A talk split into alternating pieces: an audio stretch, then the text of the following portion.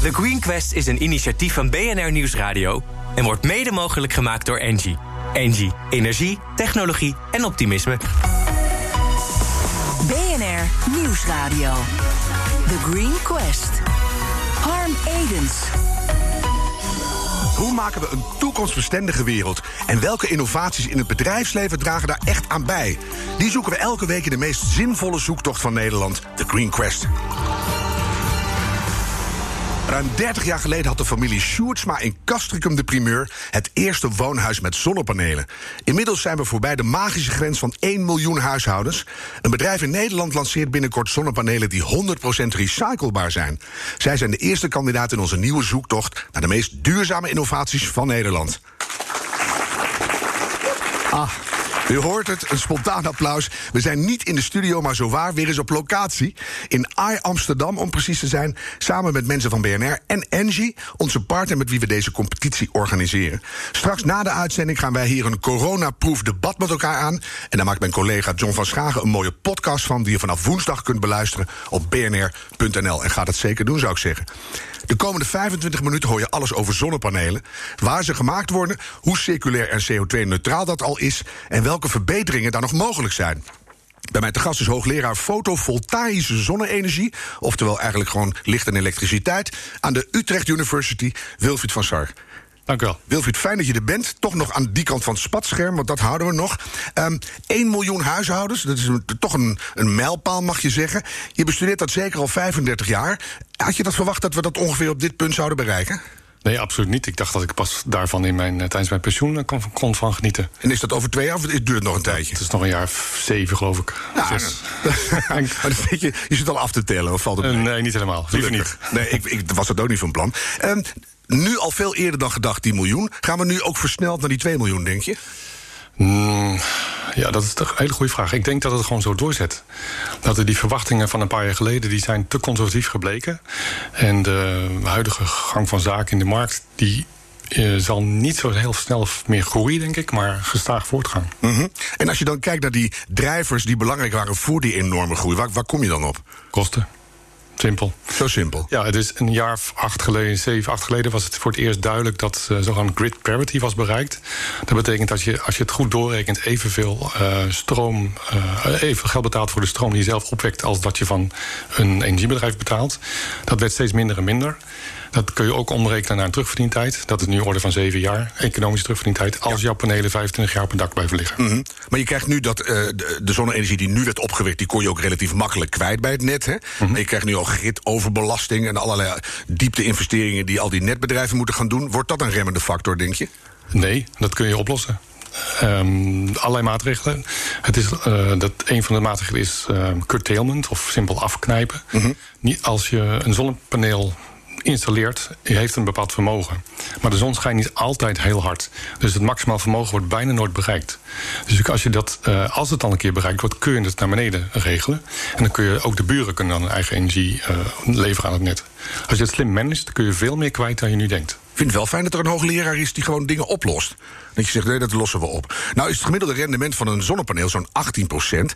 Uh, wat dat daadwerkelijk in energie wordt omgezet. Zit daar nog gek in, dat dat rendement langzaam per paneel omhoog gaat? Ja, als je kijkt naar wat er in het laboratorium al bereikt is... en dat is overigens al 20 jaar geleden zo geweest... kom je op 25,5 procent geloof ik uit als maximaal rendement mm -hmm. in het lab. Dat moet je opschalen naar grotere panelen. Dus ik verwacht dat over een jaar of 10 dat je 3, 24 procent rendement hebt... voor een paneel wat je commercieel verkrijgbaar uh, is. Ja, en dat is dan eigenlijk uitgaande van de oude productie. Dat is silicium, ja. geloof ik. Ja. Komt daar nog uh, innovatie op? Dat je zegt, er worden andere dingen gebruikt... waardoor dat rendement toch nog omhoog kan? Je kunt nog wel wat oprekken, denk ik, uh, gebaseerd op silicium. Maar de nieuwe stappen die nu worden gemaakt... zijn zogenaamde combinatie van silicium met perovskieten. Dat perovskieten, dat moet je even uitleggen. Perovskieten is een bepaald soort kristalstructuur... Uh, wat je als een dunne laag kunt aanbrengen... bovenop een standaard uh, silicium zonnecel. -hmm. Dan krijg je een zogenaamde tandemcel. Daar is, wordt veel onderzoek aan gedaan nu... en men verwacht dat je dan richting 35% zou kunnen halen. Maar dat, dan moet ik wel rekenen met 20 jaar of zo, vanaf nu. Ja, maar dat dacht je met die 1 miljoen grens ook. Dus waarschijnlijk gaat het veel sneller, toch? Dat hoop ik wel. Ja, maar voor je pensioen zitten we daar. Dus dan hebben we panelen die richting 40, 50 procent gaan. Ik rek nu even op, dat voel je. Dat rek je heel erg ver op. er zijn al uh, cellen die naar 45 procent gaan. Maar die zijn enorm duur en je moet de zon ook concentreren. Oh ja. Nou ja, maar, dat zijn allemaal van die dingen. Ik denk, het is er al. En het kan eigenlijk alleen nog maar beter gaan vanaf nu. Ja, maar het Nou, moet ook betaalbaar blijven. Dat is een belangrijke. Ja, maar in de nieuwe economie is dat betaalbare, dat, dat verschuift ook. Hè? Dus, nou, eh, hadden we vorig jaar in de Green Quest hier Heliatech. Heb je dat gevolgd? Nee. Die maken zonne-organisch foliemateriaal ergens in Duitsland. En dat is nog een beetje laag rendement, maar is dat ook een belangrijke richting? Dat je op andere dakdelen dan waar je normaal gesproken de traditionele zonnepanelen zet, kan je ook energie opwekken en met organisch materiaal. Dat klopt. Eh, op dak is dat misschien niet zo slim, omdat je daar eh, andere mogelijkheden hebt. Dunne lagen gebaseerd op uh, kristallen, hoe noem het ook weer? Koper indium selenide. Um, amorph lithium en andere dunne lagen die je in folie kan aanbrengen. Ook in, in uh, Arnhem doen ze dat. Ik denk aan organische materialen veel meer aan uh, façades en vooral ramen. Omdat die organische materialen zullen ook zichtbaar licht door kunnen laten. En dan heb je een dubbelfunctie. Je wekt en energie op met een rendement van een paar procent, 4, 5 misschien. En je hebt lichtopbrengst binnen. Ja. En je hebt dan misschien een bepaalde kleur in het kantoor... wat misschien comfortabel is of niet. Dat moet je wel goed onderzoeken. En dan gaan we richting ofwel, zou ik zeggen. hè? Ofwel, uiteraard. Dan heb je ja. gratis energie, maar je werknemers die doen niks meer. Dat is ook niet goed. en, en andere ontwikkelingen in dat hele zonne-energieveld. Dingen als de dakpannen die energie opwekken. Is dat ook iets wat sneller gaat vanaf nu? Want je, je hoort er wel over, maar je ziet ze bijna nergens.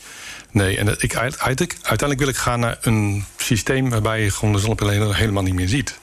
En als je dan denkt aan... Wacht even hoor, dat zou fijn zijn. Ja, want nu, nu in het eerste, laten we zeggen, vijf jaar geleden... vond iedereen het zo prachtig, al die blauwe dingen op de daken. Alla die Heb ik echt nooit gevonden hoor. Ik dacht altijd, ja, jammer van die daken, maar vooruit, het is nuttig. Nou, laten we de discussie dan later voeren hierover. Ze zijn nu ook zwarter, hè, dat scheelt al. Maar je kunt ze ook rood krijgen. Elke, elke kleur van de regenboog kun je ze nu krijgen. Dat heeft wel effect op het rendement.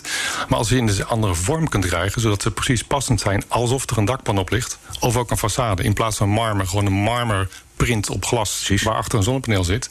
dan lijkt het alsof er geen zonne-energiepaneel uh, zonnepaneel zit. Maar je ziet, het zit er wel. Dat zou echt geweldig zijn. Hè? Ja. Zullen we even gaan praten over hoe die dingen gemaakt worden? Want driekwart van alle panelen komt nu uit China. Uh, is dat een beetje een, een fijn productieproces? Het is een, bijna een zinloze vraag. Maar... Ja, het is, dat, dat heeft, heeft niks met China te maken. Het is mm. gewoon een productieproces wat veel energie kost. En met name omdat je silicium uit uh, kwartzand, zeg maar, zeg maar strand, eh, zand, mm -hmm. uh, fijn, fijn strandzand, dat moet je heel goed zuiveren. En daar komt heel veel energie bij kijken. En dat moet je liefst met duurzame energie doen. En in China doen ze dat vooral met kolen op ja. dit moment. Vandaar dat uh, als je het allemaal doorrekent, een zonnepaneel wel CO2 uitstoot. Niet tijdens bedrijf, maar tijdens productie. Dus dat is eigenlijk iets wat, wat je ook niet meer moet willen. Hè? Dus als je dat nou allemaal bij elkaar veegt, um, waar moeten we dan naartoe? Wat voor soort zonnepanelen zie jij in de toekomst als, als wenselijk? Uh, onzichtbare, zoals ik net zei. Mm -hmm. uh, die, um, waarvan het productieproces zodanig is dat je de energie die je daarvoor nodig hebt duurzaam wordt opgewekt. Al, al in de tachtige jaren van de vorige eeuw was er een solar breeder. Een fabriek die een, met hun eigen zonnepanelen op hun eigen dak hun eigen energie opwekte om de panelen te maken. Um, duurzaam energie gebruiken voor het maken van de panelen. En ze uiteindelijk onzichtbaar laten zijn. Maar dat, het gevaar daarvan is wel dat mensen er zich niet van bewust zijn dat er zonne-energie wordt opgewekt. Maar tegen die tijd toch wel, zou je zeggen. En, en zou het dan een idee zijn om dat ook in Nederland te doen? Want Hoogovens is ermee bezig, windturbines, zonnepanelen. Dus niet over de hele wereld heen en weer slepen met die dingen. Gewoon in eigen omgeving maken, gebruiken, recyclen en dan weer opnieuw maken. Ja, het, dat we zoveel zonnepanelen nu hebben, is omdat ze allemaal uit Azië komen en daar gemaakt worden. er is een, ook vanuit de Europese Commissie een sterke lobby en allerlei organisaties om weer een maakindustrie in Europa te krijgen. En dus ook in Nederland. Nou ja, we hebben zometeen een, een deelnemer die dat in Nederland wil gaan doen, gelukkig. In Arnhem is er ook al. Er zijn er meerdere initiatieven geweest. Mm -hmm. Financiering daarvan is altijd heel erg lastig. Maar de business case is volgens mij goed. Is goed, hè? Dat, dat ja. moet ook gewoon. En dan in, in tien jaar gewoon al die daken en al die ramen vol. Want we hebben nog tien jaar ongeveer, dus we moeten een beetje versnellen. Um, denk jij dan dat het, uh, wat het de rapport van de Planbureau voor de Leefomgeving was deze week... je eigen huis verduurzamen is niet uh, rendabel. Uh, tegen die tijd wel, hopelijk? Nou, dat weet ik niet. Eerlijk gezegd, uh, verduurzamen is meer dan alleen maar zonnepanelen op je dak leggen. Dat, is, dat kost niks, zeg maar. Mm -hmm. Maar isolatie aanleggen, uh, warmtepomp enzovoort... dat is op dit moment nog veel te duur. Uh, ik denk dat Marja Minnesma anderen daarover denkt. Precies. Ja, ja. Nemen het allemaal mee en dan over ja. tien jaar dan spreken wij elkaar weer. Is goed. Ben je net met pensioen en heb je alle tijd. Dan kom ik nog even terug. Ik ga je enorm bedanken voor dit gesprek. Hoogleraar fotovoltaïsche zonne-energie aan de Utrecht University. Wilfried van Zark, dankjewel. BNR Nieuwsradio. The Green Quest. Harm Edens. Je luistert naar de Green Quest, de competitie waarin we zoeken naar de meest duurzame innovaties van Nederland. Vandaag nummer 1 in de Green Gallery, de duurzame zonnepanelen van So Large. Mooie naam is dat. En die klinken ongeveer zo. Onze zonnepanelen worden gemaakt van kunststoffen. We maken twee producten. Die worden duurzaam geproduceerd en die zijn 100% recyclebaar. Wat wij vooral doen is die cellen op een hele andere manier verpakken, waardoor het veel lichter wordt.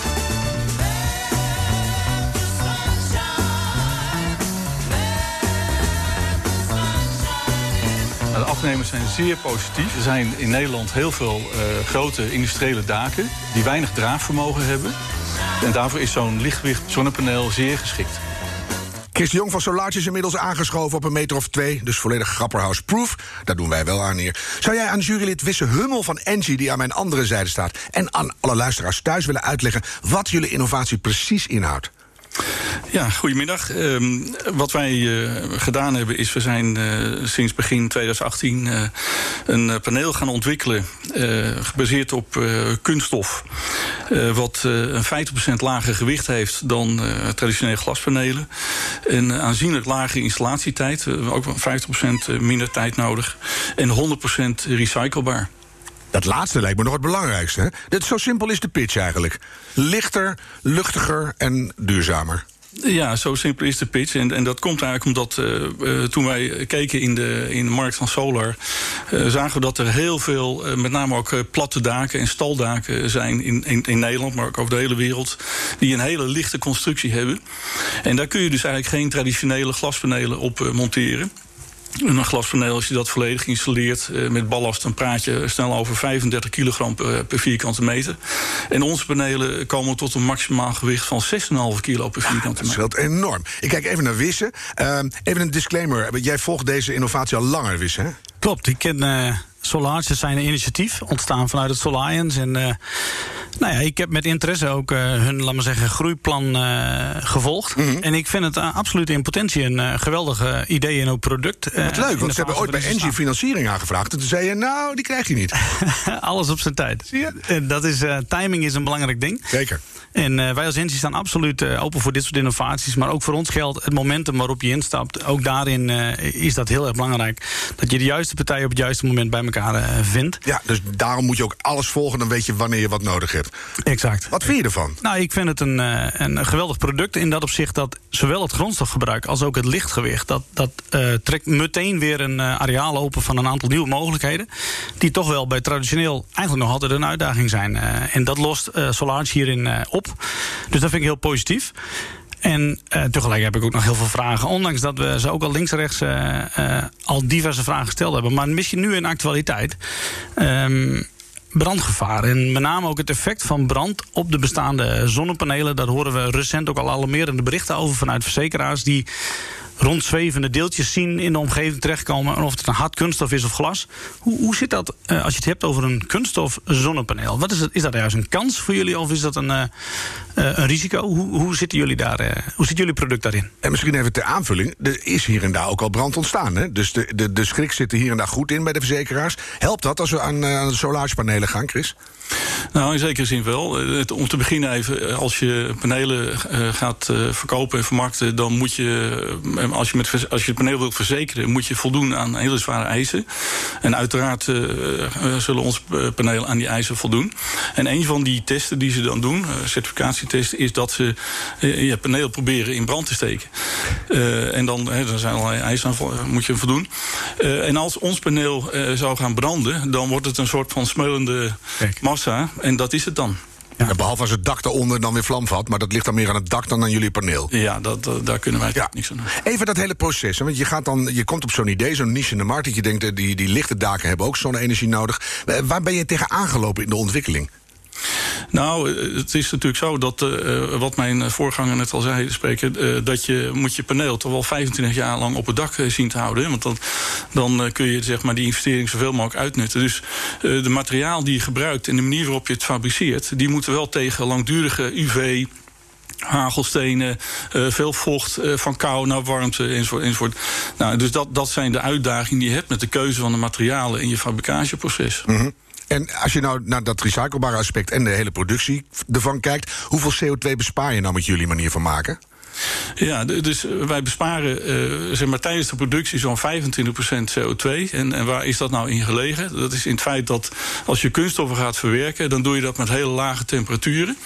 En als je de glaspanelen moet je glas in aluminium smelten. Nou, dat gaat bij meer dan 1000 graden.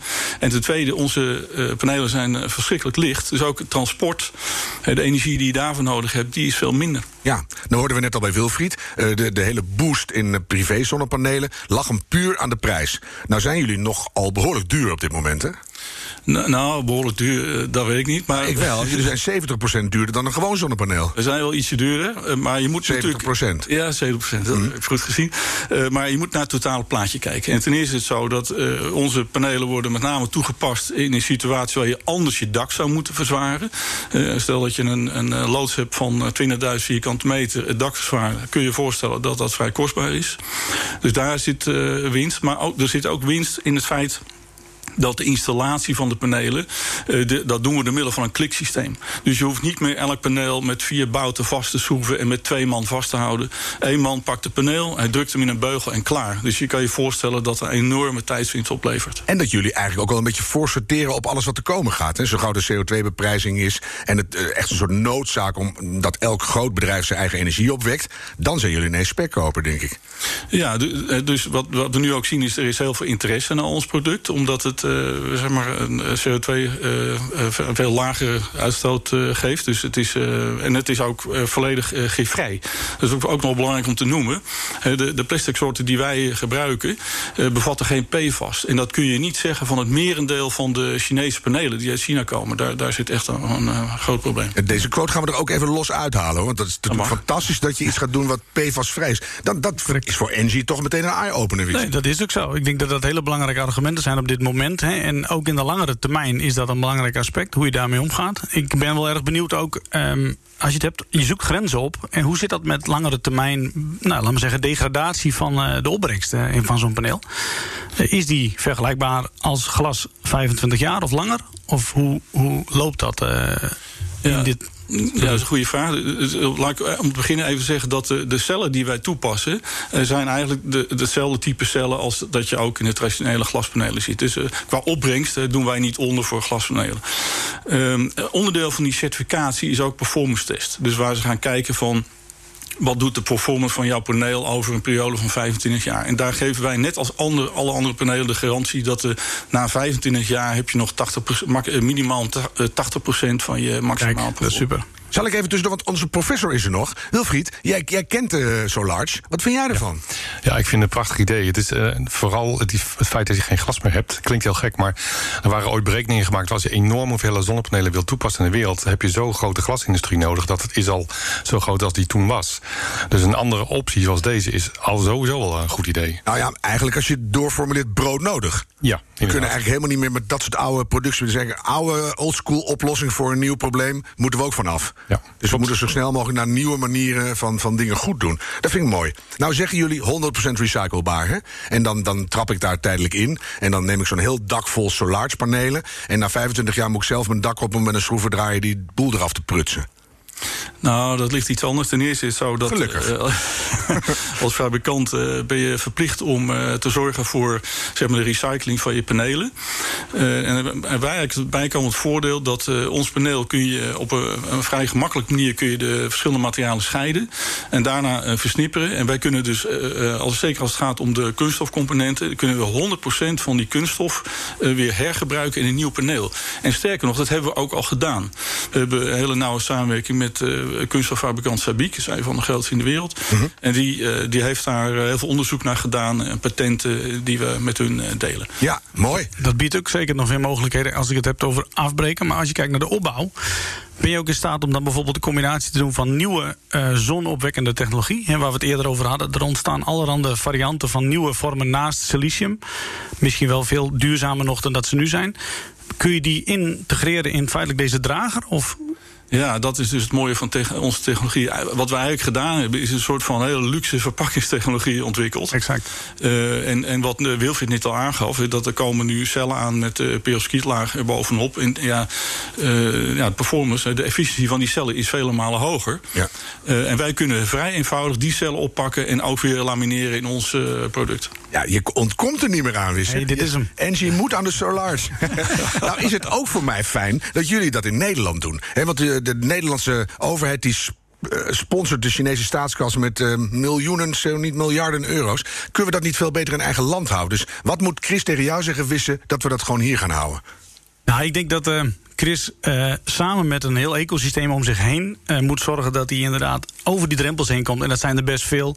Maar ik geloof dat het momentum er is om dat te kunnen doen. En dan zijn niet alleen wij, maar ook heel veel partijen in de markt hier absoluut open voor om dit op te schalen. Daar ben ik van overtuigd. Dus Chris, wat ga jij de komende maanden doen? Ja, nou, het is zo. Uh, het, het, goede nieuws is ook dat we hebben inmiddels in de, in de voorverkoop al, al heel veel, nou, meer dan 100.000 panelen verkocht. Dus dat is uh, voor, voor het starten van uh, zo'n activiteit natuurlijk schitterend. Mm -hmm. Uh, we hebben veel gesprekken gehad, ook met bijvoorbeeld de provincie. Die hebben ons enorm gesteund in, uh, in de funding.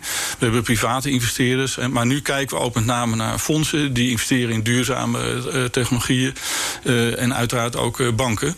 Nou, die gesprekken lopen. we zijn er nog niet. We hebben nog wel hulp nodig. Maar we hopen wel binnen twee à drie maanden zeg maar, dat rond te hebben. En dan kunnen we starten met het bouwen van een fabriek in Nederland. Nou ja, en de, drie maanden, dat gaan we allemaal nog meemaken. Ik klop hem even af. Maar dan, weet je, dat is toch fantastisch. En ik denk, als je als Engie dat op, op eh, nauwgezet gaat volgen, wissen. En met advies en raad en daad, dan ben je ook de eerste die er gebruik van kan gaan maken. Ik denk dat dat inderdaad. Uh, uh, we zijn er al langere tijd dicht op. En dat blijven we ook graag doen. En waar we kunnen ondersteunen, gaan we kijken hoe we dat kunnen doen. het is nu gewoon maar 2,5 meter. Dus ik ga Solaatje heel erg veel succes wensen.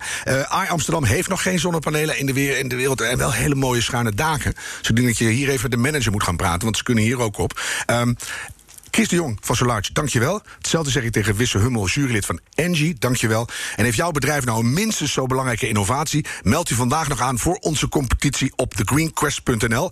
Deze aflevering kan je terugluisteren via de BNR-app of bnr.nl... en natuurlijk ook op al je favoriete podcastkanalen. En bedenk minstens één keer per week, en doe dat... die volhoudbare wereld, die maken wij samen. The Green Quest is een initiatief van BNR Nieuwsradio... en wordt mede mogelijk gemaakt door Engie... Engie. Energie, technologie en optimisme.